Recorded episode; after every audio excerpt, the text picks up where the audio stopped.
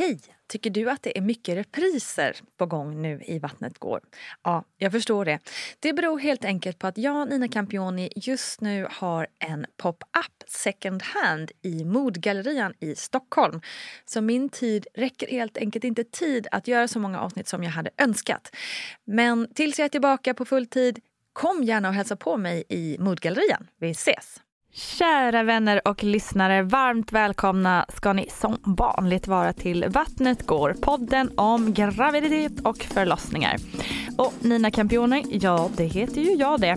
Och jag tycker faktiskt att vi drar igång direkt och går rakt på sak. Och pratar om dagens gäst, för det är ingen mindre än Mia Fernando. Hon är specialinriktad fysioterapeut och har då specialiserat sig på obstetrik och gynekologi och framförallt då på det här med förlossningsskador. Hon skriver också den populära bloggen Baking Babies och har dessutom skrivit en bok tillsammans med Louise Winblad. Mia har dessutom tre pojkar, Volmar, Wilfred och Valdo. Och här ska ni alldeles strax få höra hennes historia. Med oss är också alldeles som vanligt Gudrun Abascal, vår alldeles egna favoritbarnmorska. Men nu då så välkomnar jag Mia Fernando.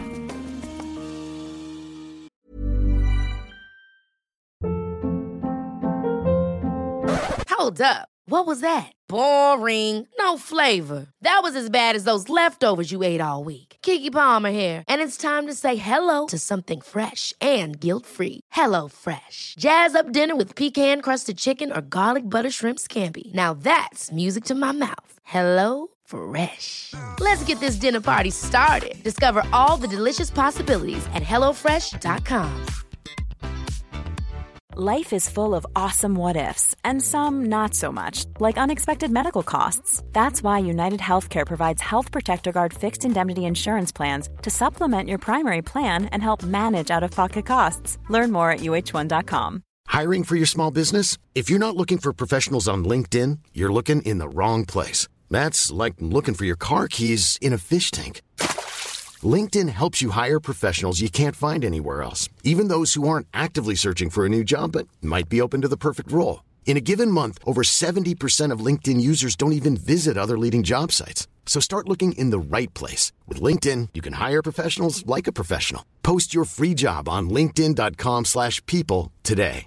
Ready to pop the question? The jewelers at BlueNile.com have got sparkle down to a science with beautiful lab-grown diamonds worthy of your most brilliant moments. Their lab-grown diamonds are independently graded and guaranteed identical to natural diamonds, and they're ready to ship to your door. Go to BlueNile.com and use promo code LISTEN to get $50 off your purchase of $500 or more. That's code LISTEN at BlueNile.com for $50 off. BlueNile.com code LISTEN.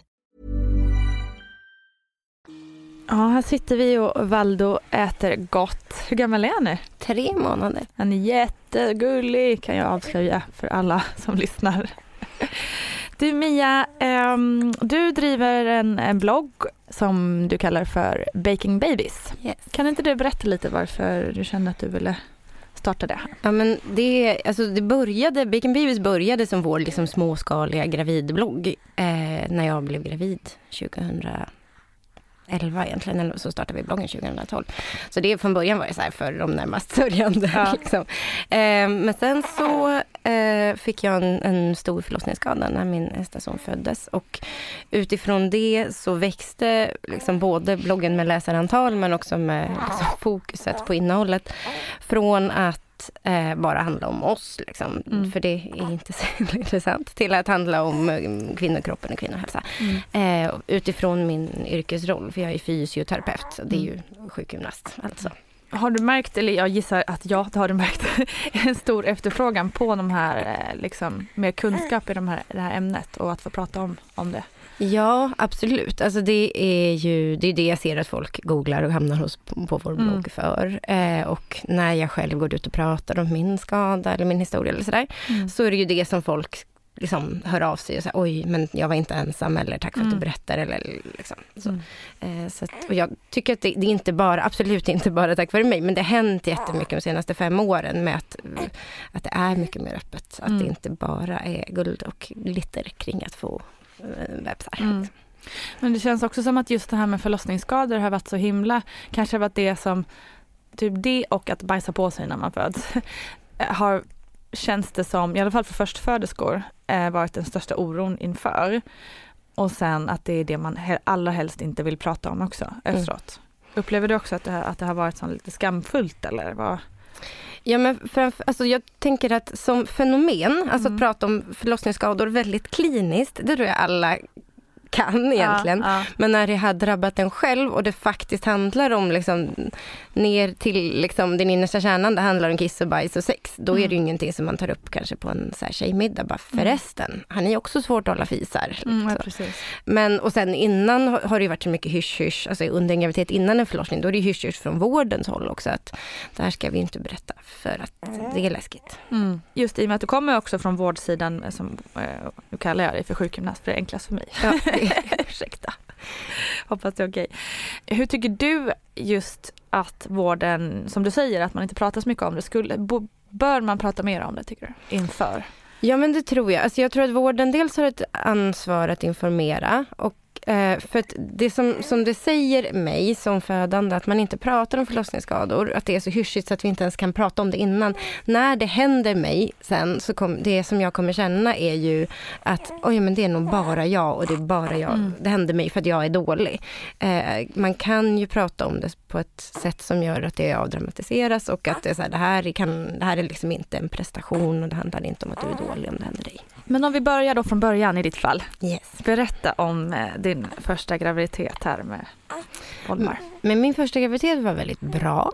Eh, man är ju lite så aningslös som första gångs gravid. Jag tyckte att jag Eh, ja, men jag gick och längtade och väntade och njöt men också liksom ville ha symptom. Eller liksom, man blir väldigt ivrig sådär.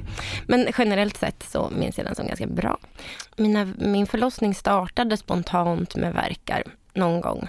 Får jag bara fråga Ja. innan där, hur kände du inför eh, den här graviditeten och just, hade du några tankar kring förlossningsskador innan? Ja, alltså jag pluggade eh, ett tvärvetenskapligt program där många olika vårdprofessioner läste en master. Eh, så att bara kanske sex veckor innan min förlossning så opponerade jag på en, en uppsats som en barnmorska hade skrivit om sfinkterskador.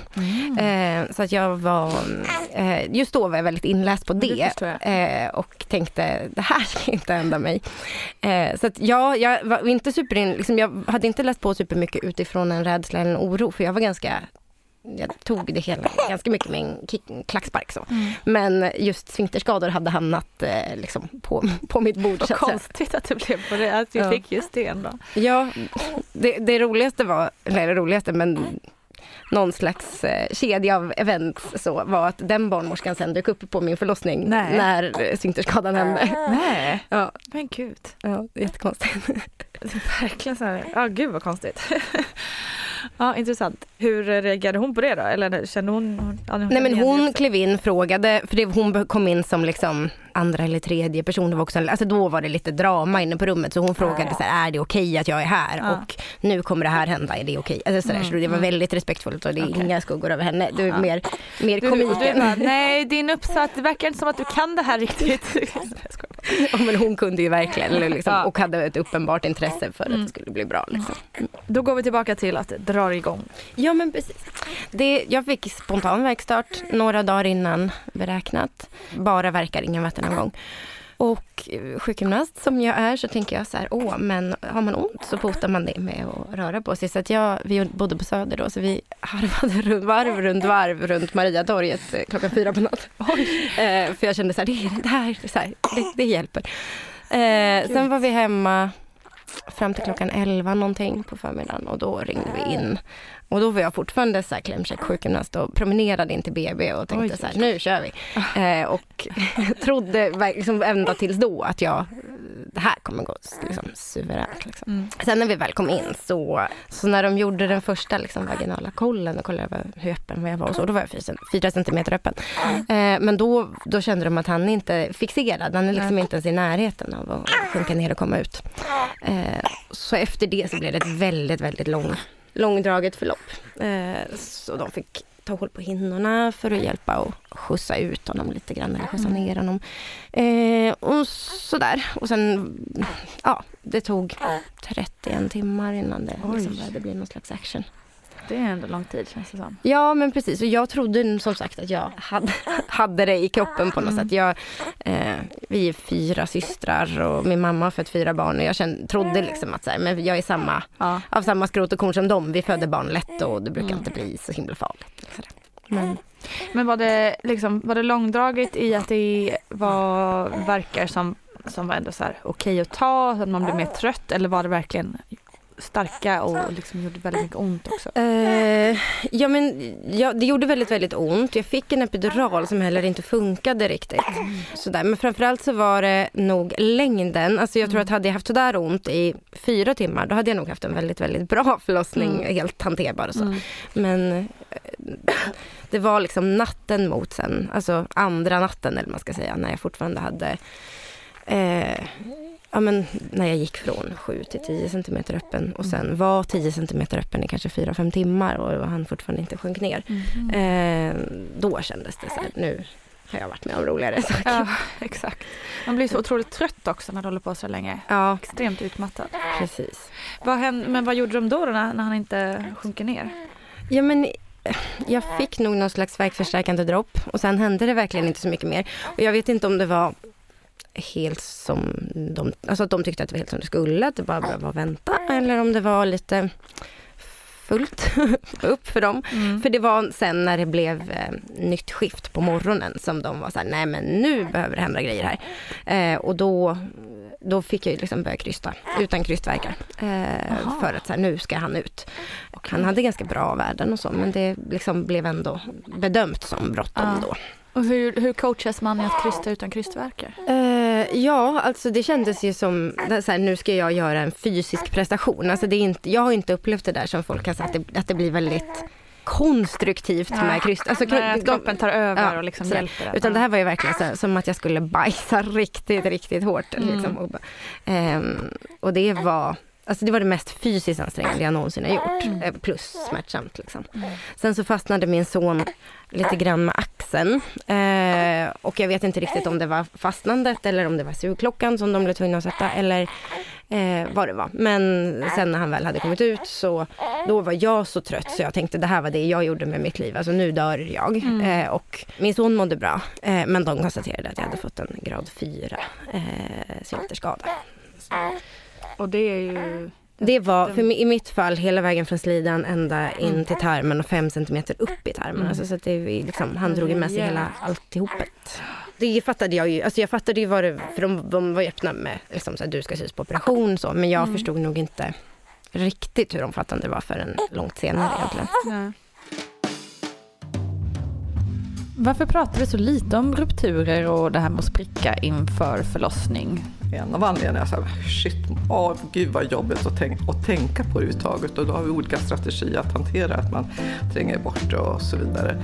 Sen kan det vara väl också, om jag ska vara så här lite konservativ traditionell, att det, men man pratar ju inte om sitt underliv. Det är ju lite, kan ju vara lite skamligt och genant och, och man kanske känner så här, ja men jag vet ju inte liksom, hur andra tänker. Och så, men att det finns någonting sånt. Ja, jag, jag vet inte varför. Eller att det finns andra saker som är viktiga. Men en saklig information vore ju bra att få tycker jag. Och jag tycker att det är väl en jättebra sak att ta upp med sin barnmorska under tiden som man väntar barn, alltså under graviditeten. Ta upp det på ett besök om det här är någonting som du undrar mycket över efter. För jag tror inte att barnmorskan på din barnmorskemottagning idag specifikt går in på det ämnet om du inte själv undrar över det hela. Varför är det så att eh, vissa bebisar inte fixeras i slutet på graviditeten? Ja, det undrar jag också förstås som barnmorska. Eh, vi, man vet väl inte riktigt. Eh, vad vi vet är i alla fall om man går på fakta så är det att när det är första barnet så har det i princip, jag skulle tippa säkert mer än 90 procent av eh, alla barn har fixerats sista, av de sista två veckorna av graviditeten. Är man då omföderska och, och min egen kliniska erfarenhet säger så här, ju, ju flera barn man föder så är det femte barnet som jag väntar, ja då oftast har barnets huvud inte fixerat sig förrän verkarbetet drar igång. Så utifrån det så kan man dra slutsatsen på att livmodern blir större och lite mer eftergivlig och det finns bättre om plats och så vidare som inte trycker ner barnet. Eller första gången man väntar barn. Så är det väl kanske så att, att livmodern är tajt och den anpassar sig precis efter just det här barnet och trycker ner barnet och själva muskulaturen är mer spänstig. Och det här är ju bara spekulationer från. Det kan också ibland vara så att man har ett stort bäcken som gör att det finns gott om plats. Dut, dut, dut. Och ibland så kan det vara att, eh, att man, man har ett litet bäcken också. Och när det väl hände, liksom, kände du det överhuvudtaget eller liksom, förstod du att det hade hänt redan innan de sa det? Eller? Nej, alltså jag, jag tror inte att jag kunde särskilja vad, vilken slags smärta som var vad. Och jag hade ju inte någon, något att jämföra med heller. Liksom, det kanske gör så här ont mm. när ett barn mm. passerar ut. Eller liksom. Så att jag hade nog inte jag hade inte kunnat pinpointa och säga, hörni, jag sprack nog nu. Nej, nej, nej, liksom. Förlåt, innan vi går vidare med det också. Jag är väldigt fascinerad över det här med att du krystar eh, på egen hand om man säger. Fick du några hjälpmedel där med, med hur du skulle göra? Ja, men, eller om, liksom... ja alltså jag fick väl instruktioner. Jag tror mm. att jag, tyst, jag krystade, man kan ju tyst, krysta med att man eh, alltså är tyst eller inte tyst. Eller hur, mm. det har ju mandning och buktryck och hur man gör. Så att jag instruerades ju i att liksom vara tyst och krysta mm. eh, hakan ner mot bröstet och mm. sådär. Det, de, det var en bra instruktion vad jag, vad jag minns och jag tror att jag kunde ta det med det också. Men, mm. men jag minns att jag tyckte att det man ska liksom inte devalvera uttryck så, men att jag tyckte att det var lite övergreppsaktigt att mm. behöva göra det mm. utan att kroppen alls var med på det. Mm, det förstår jag. Sen så, ja, man kan inte ha en förlossning som pågår exakt hur länge som helst. Så det, ja. Usch, det är svårt att föreställa, föreställa sig när man själv har fått den här, när det, det här med instinkten att kroppen liksom bestämmer åt en typ. Det måste ju vara helt tufft, verkligen tufft. Um, va, men du nämnde också sugkrockar. Ja, precis. För det var ju det, det komiska i det här då. Att de in, alltså, det var så här, men det här barnet behöver komma ut, det behöver få hjälp. Uh, jag vet inte exakt liksom, vad i förloppet som de tyckte att han behövde komma ut för. För att han hade bra syrevärden och sånt, eller syresättning. Uh, men då så, så sa de så här, vi vet att du inte vill det här men vi behöver sätta en sugklocka. Eh, och det är ju ett hjälpmedel för att liksom hjälpa till att eh, dra ut barnet på ett sätt. Och det var då det var hon, hon den andra barnmorskan som jag hade pluggat med kom in och läkare och mm. liksom, det var rätt mycket folk. Där Hur kändes det då när de sa det? Ja men då Exakt i den stunden var jag så trött och gav liksom blanka tusan i allt. Så att jag kände bara så ja ja men whatever. Mm. Liksom. Mm. Vi måste få ett slut på det här. Liksom. Den känslan kan man ju verkligen relatera till. Mm. Oh, och sen, och sen så, satte de den då, gick det ganska fort då? Ja det var ingen sån knepig sugklocka när de behöver dra Nej. jättelänge eller sådär. Mm. Sen var det ju det här med att han fastnade med axeln sen också. Mm. Som, så att liksom hela, hela förloppet var nog knepigt men mm. själva sugklockesättningen mm. var nog ganska enkel. Och den här känslan av att bara nu, som du säger, nu är jag färdig. Det här, nu, nu dör jag. Mm fan alltså. Mm.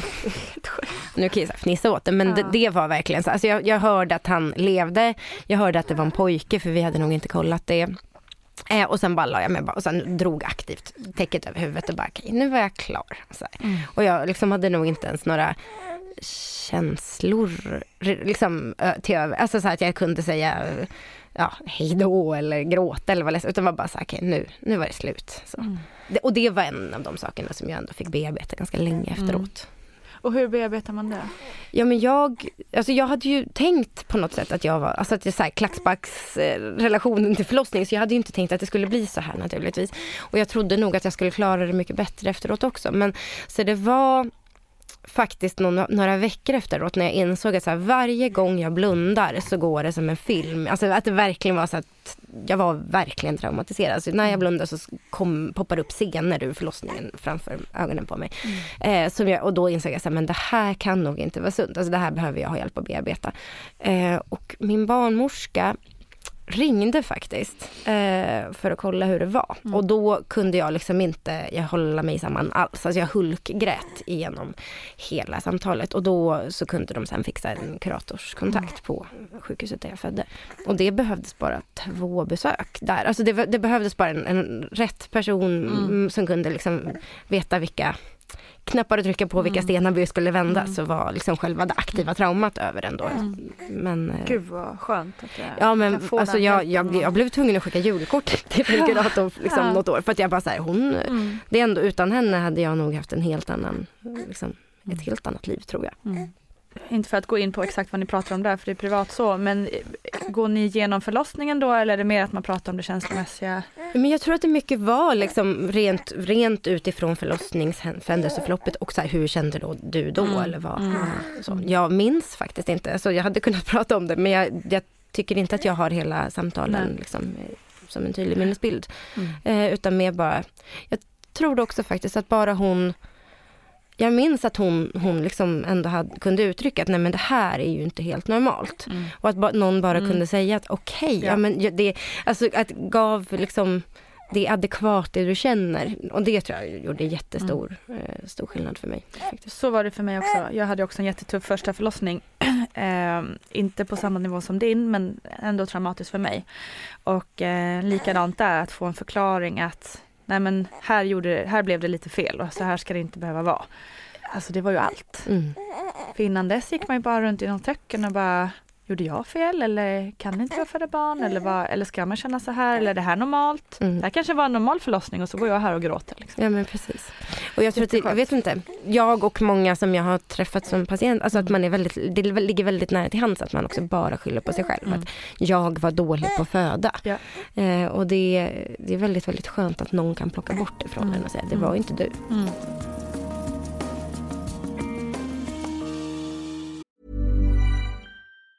A lot can happen in three years, like a chatbot may be your new best friend. But what won't change? Needing health insurance. United Healthcare Tri Term Medical Plans, underwritten by Golden Rule Insurance Company, offer flexible, budget friendly coverage that lasts nearly three years in some states. Learn more at uh1.com. Here's a cool fact a crocodile can't stick out its tongue. Another cool fact you can get short term health insurance for a month or just under a year in some states. United Healthcare short term insurance plans are designed for people who are between jobs, coming off their parents' plan, or turning a side hustle into a full time gig. Underwritten by Golden Rule Insurance Company, they offer flexible, budget friendly coverage with access to a nationwide network of doctors and hospitals. Get more cool facts about United Healthcare short term plans at uh1.com. Since 2013, Bombas has donated over 100 million socks, underwear, and t shirts to those facing homelessness if we counted those on air, this ad would last over 1,157 days. But if we counted the time it takes to make a donation possible, it would take just a few clicks. Because every time you make a purchase, Bombas donates an item to someone who needs it. Go to bombas.com slash ACAST and use code ACAST for 20% off your first purchase. That's bombas.com slash ACAST, code ACAST. Hey, it's Ryan Reynolds, and I'm here with Keith, co star of my upcoming film, If, only in theaters, May 17th. Do you want to tell people the big news?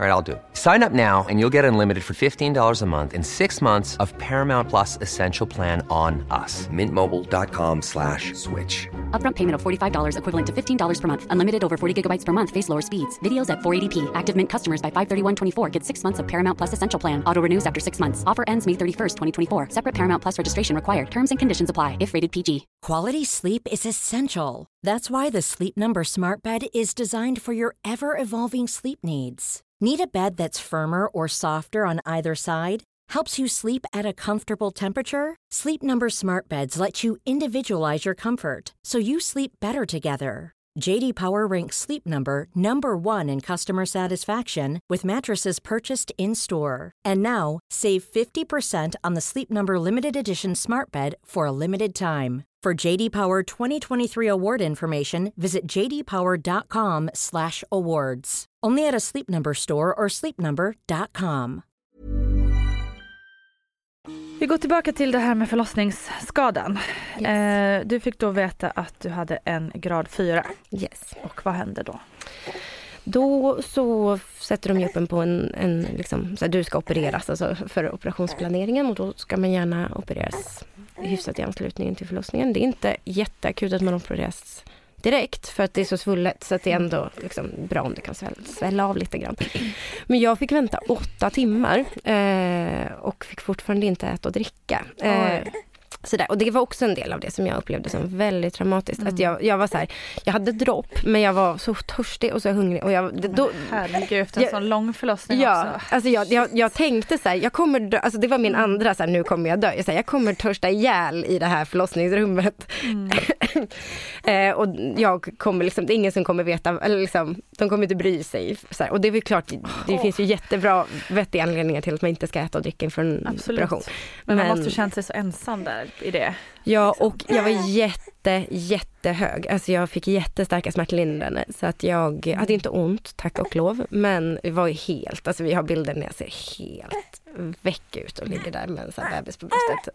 Liksom. Eh, så att jag har väldigt vaga minnesbilder. Men det jag minns är inte så här, åh gulligull med bebis. Utan så här, jag kommer dö för att jag är så törstig. Fy fan, din stackare.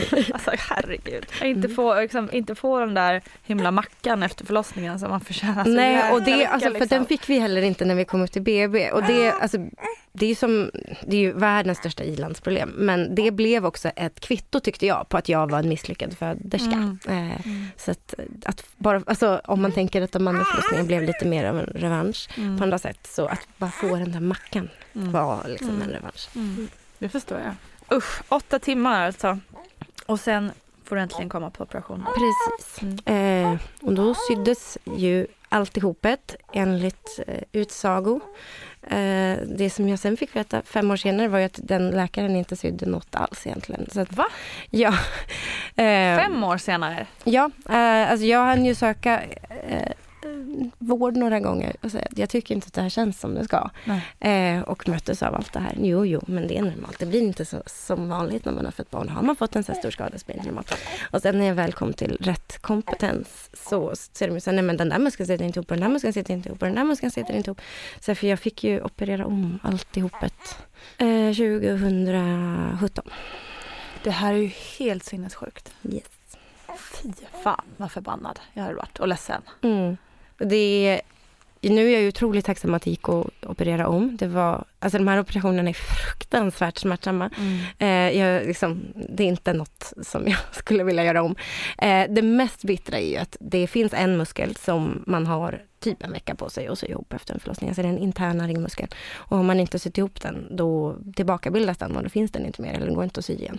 Så att det är eh, en del av mina skador är liksom permanenta nu även Mm. om de har kunnat få ihop det mesta. Men varför sa de att de hade sytt ihop det? Eh, för att den personen sydde enligt bästa förmåga. Alltså det har hänt jätte, jättemycket eh, i kompetensutvecklingen de senaste åren. Eh, så att det som jag har fått veta är att den personen som sydde mig 2012 sydde så kanske som man sydde Som man, 2012. man trodde att man skulle då. Mm. Så att, och det är det som gör att det känns som att jag födde, födde barn på stenåldern. Ja, exakt, Eh, exakt. Men det är liksom sex år sedan. Mm. Gud i himmelen. Om han finns. Hon. alltså, ja, blir, man blir mållös. Det är, och det, precis som du säger, det är alltså 2012. Det är, man kan inte ens räkna, men det är sju år sedan. Ja, pr- precis. Min son fyller sju i... Ja. Ja. Mm. Och det, känns, det är ju ingenting egentligen. Men att, eh, ja, tack och lov att det går framåt. Mm. Jag ledsen jag blir att det ska tvinga, tvingas hända dig och många andra. Innan Men, men någonting. framförallt blir man mörkrädd för att det var, inte, det var ju inte 2012 som folk började föda barn. utan men det var ju precis, några år exakt. innan. Liksom. Eh, så att, Men hur, hur, hur yttrade det sig för dig då? Att du märkte att någonting inte var... alltså jag, det, det, det som är viktigt att veta är att alltså jag har haft skador, alla muskler typ som kan vara av. Eh, men jag har varit ändå ganska stark i min bäckenbotten. Så att även när jag har gått till både kollegor som har varit fysioterapeuter och, och gynekologer så, har de kollat mitt knip och sagt att du är ganska stark. Så jag har kunnat träna, jag har kunnat springa maraton, alltså jag har kunnat göra allting. Men när, när man har fått en sån skada på ringmuskeln, alltså Mm. mm. slutmuskeln, så är det ju framförallt de funktionerna som är svåra. Så att Mm. jag tyckte så här, men jag, har, jag kan inte hålla fisar Mm. eh, och när jag blir bajsnödig så har jag ingen liksom, eh, startsträcka. Alltså Ja, någon annan som blir bajsnödig liksom. kan ju vara så här, ja men jag går om en liten stund. Ja, ja. Liksom. Mm. Jag håller, alltså, det är inte riktigt läge. Men jag märkte, och det blev, utvecklade sig så att jag insåg exakt hur bråttom jag hade när mina två barn då, eh, någon En annan som bajsade. Eh, ja men som började Jag älskar den där blicken också på bebisar när de bajsar. De är så otroligt koncentrerade och bara lite så här, vad är det som händer nu?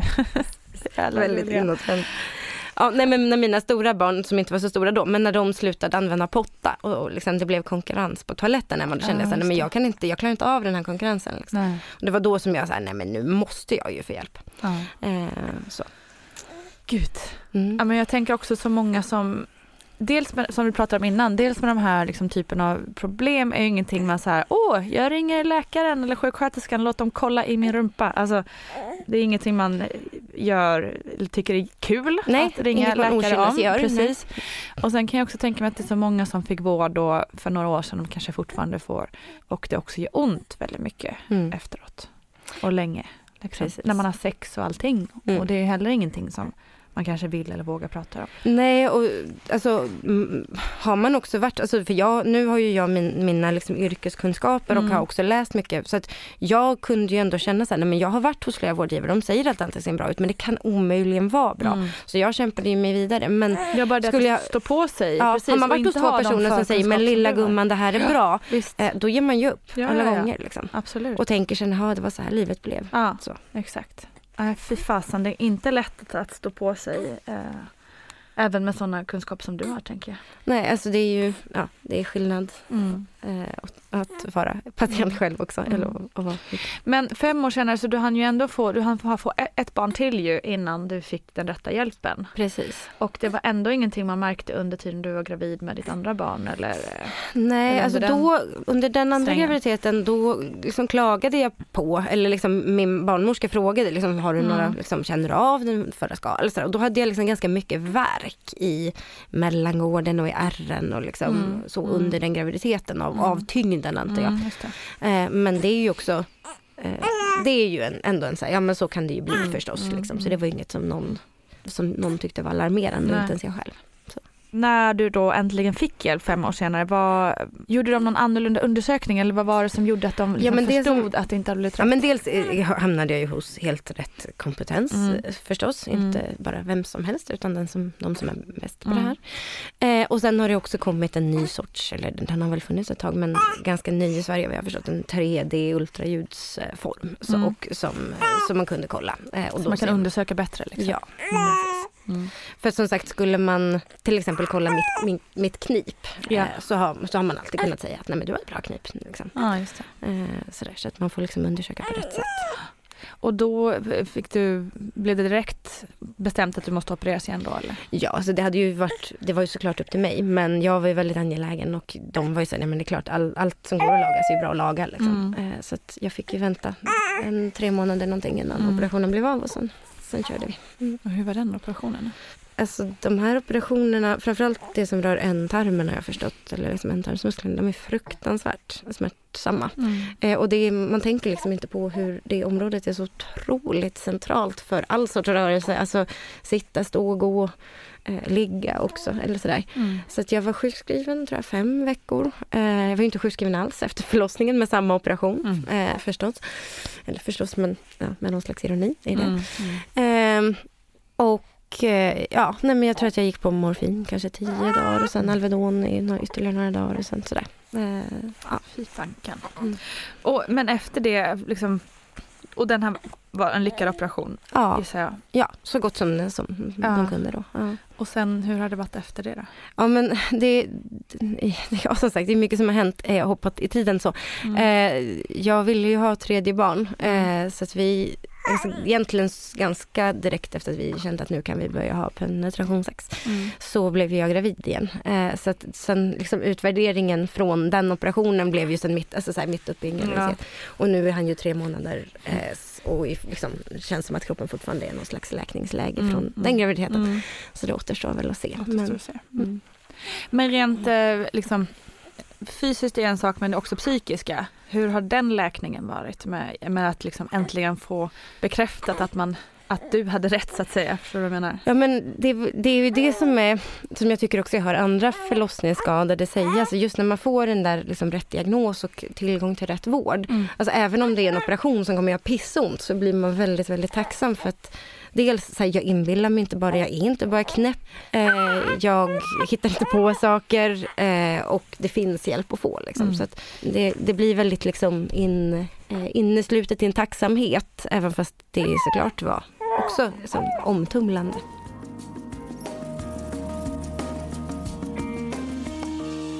Ja, men du sa att du ville eh, så himla gärna ha tre barn men att gått från den förlossningen och den eftervården och den smärtan som du kände både fysiskt och psykiskt att då bli gravid igen med andra barnet. Hur var det?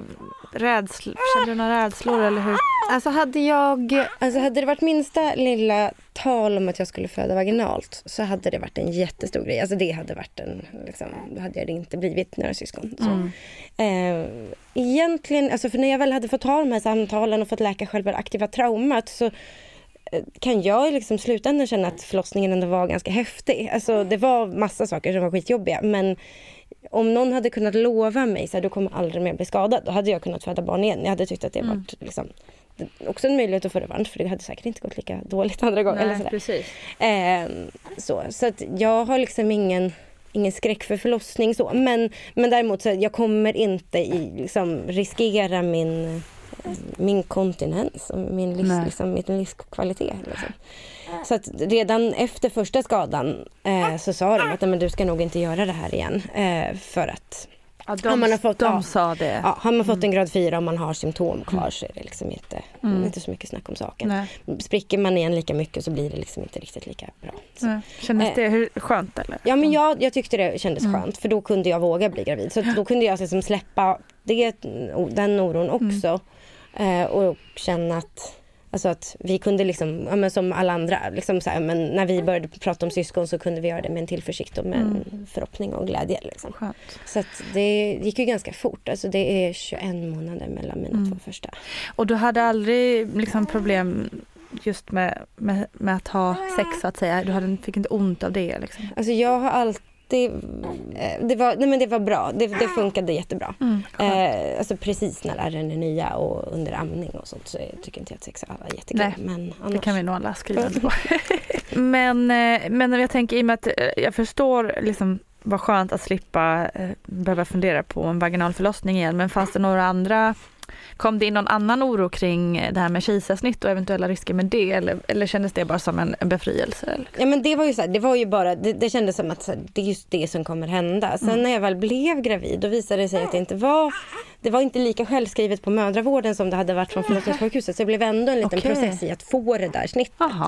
Eh, vilket var liksom en väldigt onödig oro eftersom jag visste att det här barnet kommer inte komma ut någon annan sätt. Och liksom, de som faktiskt bestämmer har ju ändå sagt, eller sådär. Men, Vad eh, konstigt med tanke på, alltså, de måste ju väl ha lite koll på vad som har hänt innan Ja, tycker jag. Men jag, och jag, då, den gången var jag inte alls särskilt orolig för snittet. Så jag läste på mycket eh, men kände mig väldigt trygg i det. Och jag, alltså som vårdpersonal så tänk, vet ju jag att alla Mm. gör alltid sitt bästa. Så, så här, jag känner mig väldigt trygg eh, i det. Alltså jag, och jag har inte liksom blivit vårdbitter. Jag har inte haft någon anledning till det heller. Liksom.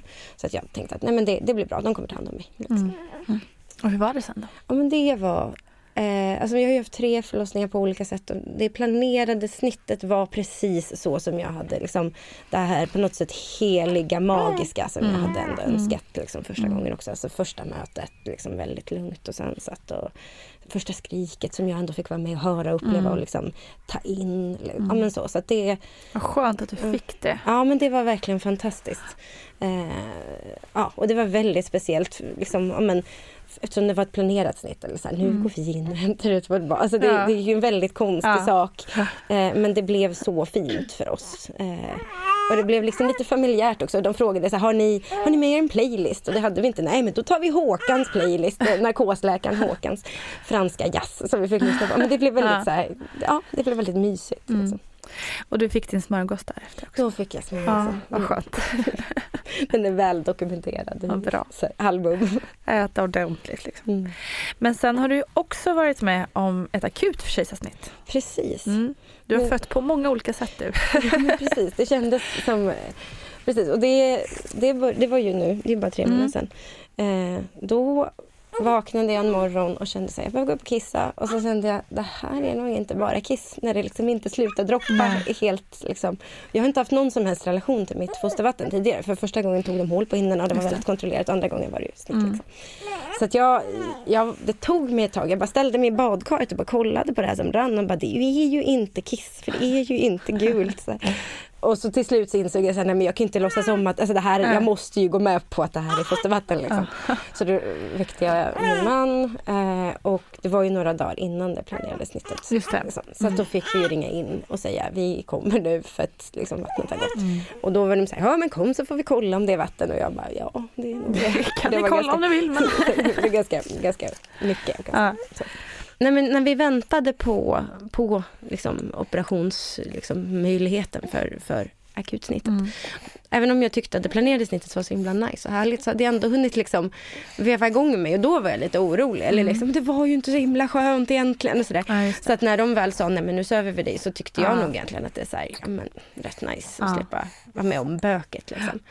Eh, det som då var knepigare var, alltså min man, då, fick, då blev ju han också ut, inte utkastad, Ah, så, ja, men han fick ju inte vara med och sådär. Mm. Så att det var nog mer snopet för honom Mm. eh, då, liksom, att han Mm. inte fick vara med varken med mig eller när Valdo kom ut. Ja, just det.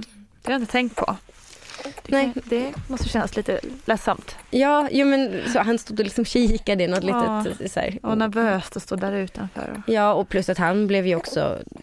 Han visste nog inte riktigt att jag kände mig så lugn med det. Nej, för det var ju inte det. inget vi hann liksom kommunicera. Så att han var nog också såhär, nej, hur kommer det här bli för Ja, Mia nu? då, liksom? precis. Exakt. Han vill ju vara där och hålla din hand säkert. Mm. Men ändå då, alltså så en vaginal förlossning med ett jobbigt, väldigt jobbigt slut.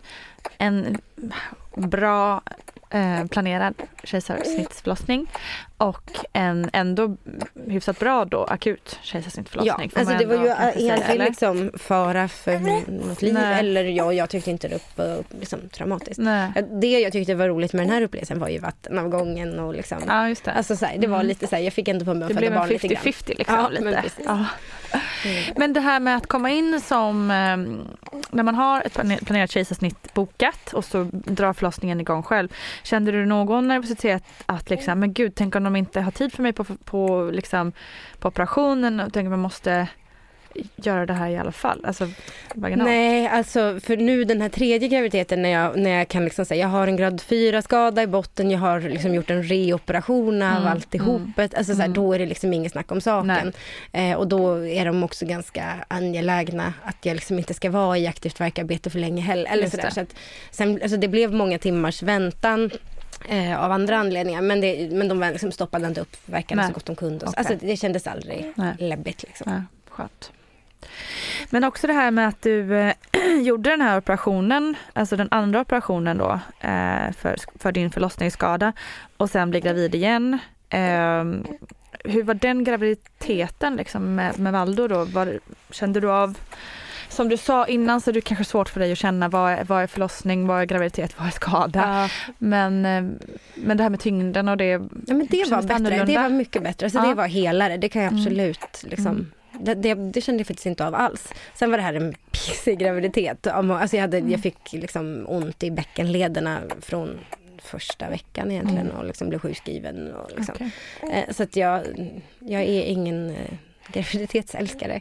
Nej. Och det här var, den här tredje sista, den var jättetung. Liksom. Mm. Men, ja, men, men från ett bäckenbottenperspektiv Mhm. var den ganska bra. Mm. Men tre barn och, och diverse erfarenheter i bagaget så har du ju verkligen eh, tagit det här vidare då med eh, ditt, eh, ja, men din blogg främst då, Baking Babies och så. Um, och vad jag förstått så är det väldigt många som, som känner att de har fått hjälp av dig. Och det tycker jag är jävligt stort. Det är ju otroligt bra att man kan hjälpa varandra och genom ens egna erfarenheter. Var det självklart för dig att gå vidare med det på det här viset? Ja men det var det nog för att jag satt ju själv med massa frågor som jag insåg att så här, men det, här, det här känns som sjukgymnastik. Alltså det här är liksom muskler och muskelfunktion och träning och blodtryck. Alltså så här, det här är mitt yrkesområde. Mm. Men det, liksom, det finns, de här svaren finns inte liksom, i Sverige. Så började jag kolla internationellt sett och det är ju liksom det som heter pelvic floor physiotherapy liksom jättestort. Liksom. Mm. Det, det, och då blev jag så här, men det här måste ju det här måste ju någon göra. Alltså det, och då, nu ska jag inte påstå att jag var den första i Sverige som jobbade med bäckenbotten som fysioterapeut, men liksom som informationskälla Mm. så var jag den första så, på blogg, bloggen. Eh, så det var ju mycket också i en egen lärandeprocess. Alltså jag fick frågor till mig och jag satte mig och läste forskning och skrev Mm. ett blogginlägg som svar. Liksom. Mm. Eh, och så väcker ju, alltså ju mer man lär sig så inser man att jag kan ändå inte till, eller liksom, så Mm. det blir ju mer och mer och mer. Ehm, så. Och då började jag ju en specialistutbildning som, som fysioterapeut har vi en treårig eh, specialistutbildning som är att man blir specialist inom obstetrik och gynekologi och Mm. urologi. Så sen blev ju liksom lärandet en del av min utbildning men då kunde jag ändå alltid, vad jag än läste så kunde jag också skriva ett blogginlägg om det och göra det, ja, folkbildning Ja. av det liksom. Exakt. Vad skulle du säga till eh, den som nu blir gravid här? Hur, hur tycker du man ska förbereda kroppen? Och, har du några bra tips? Alltså jag tänker att det man ska förbereda sig mentalt på är ju att förlossningar blir som förlossningar blir. Det Mm. finns massa saker som man inte styr över. Och att det inte det är inte en prestation. Alltså även om man kan förbereda sig på massa sätt så kan man inte föda barn rätt liksom, eller fel. Utan det, liksom, det finns saker att göra. Eh, jag tänker att det man kan göra är att öva på att slappna av på kommando. Alltså att eh, liksom, både för att få vila när man inte har så ont, alltså mellanverkar om man förhoppningsvis har en pa- pausmellanverk, att Mm. vila då. Och sen att kunna slappna av alltså vid eh, interventioner, alltså någon ska sätta en spinal eller, nå- eller epidural eller någon ska eh, göra en undersökning, att man faktiskt inte spänner sig för kung och fosterland. Utan, alltså, så det är nog det smartaste. För det finns inte egentligen så mycket evidens för andra förberedelsemetoder. Alltså Nej. oljor eller massage eller töjningar eller liksom det ena eller andra för att inte få någon större bristning. Liksom. Mm. Och om man då får en bristning eller en, en rejäl förlossningsskada som du fick, vad tycker du man ska göra? Eh, ja men först, eh, alltså nu, det är bättre nu. Mm. Jag är Mm. liksom, min, min historia är ju lite extrem i att det inte har blivit sytt bra och sådär, men det Mm. har hänt jättemycket. Eh, men mitt vanligaste mantra är ändå, var en besvärlig patient. Alltså, Mm. vet du, märker du att du inte landar väl efteråt, och då är det kanske inte två dagar efteråt, för då mår alla kanske Ja. lite sådär. Mm. Eh, utan liksom nio månader, tolv månader efteråt, då får man börja bråka vidare. Och då Mm. kanske man inte ska nöja sig med de vårdgivare som säger jo då, så här lilla gumman, så här blir det. Mm. Eh, känner man att det är något fel så är det ju oftast det. Och då får man försöka få tag på någon annan och liksom så då? Ja, eller? nysta Mm. vidare. Liksom. Mm. Man kommer till en läkare som gör ett Mm. ultraljud och kommer till en fysioterapeut som kanske kan hjälpa med hur man kan förhålla sig till den skada man har tills man kan, eller om man ska opereras eller något annat. Mm. Tack Mia, Fernando och Valdo för att ni kom hit. Ja, tack. Tusen tack Mia Fernando för att du ville vara med och prata om de här sakerna som faktiskt kan vara lite svårt att prata om ibland. Och till alla er som lyssnar, tack! Och skynda er nu över till Vattnets Gård Instagram för där kan du nu tävla om en av Mia och Louise fina böcker Mammaroll och Snippakontroll. Missa inte det. Så gå till Vattnet Gårds Instagram, tävla, prata lite med varandra och sådär och så hörs vi alldeles snart igen. Hej då!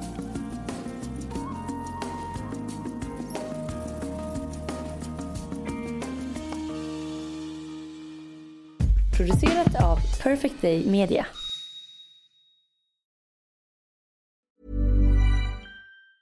Ever catch yourself eating the same flavorless dinner three days in a row?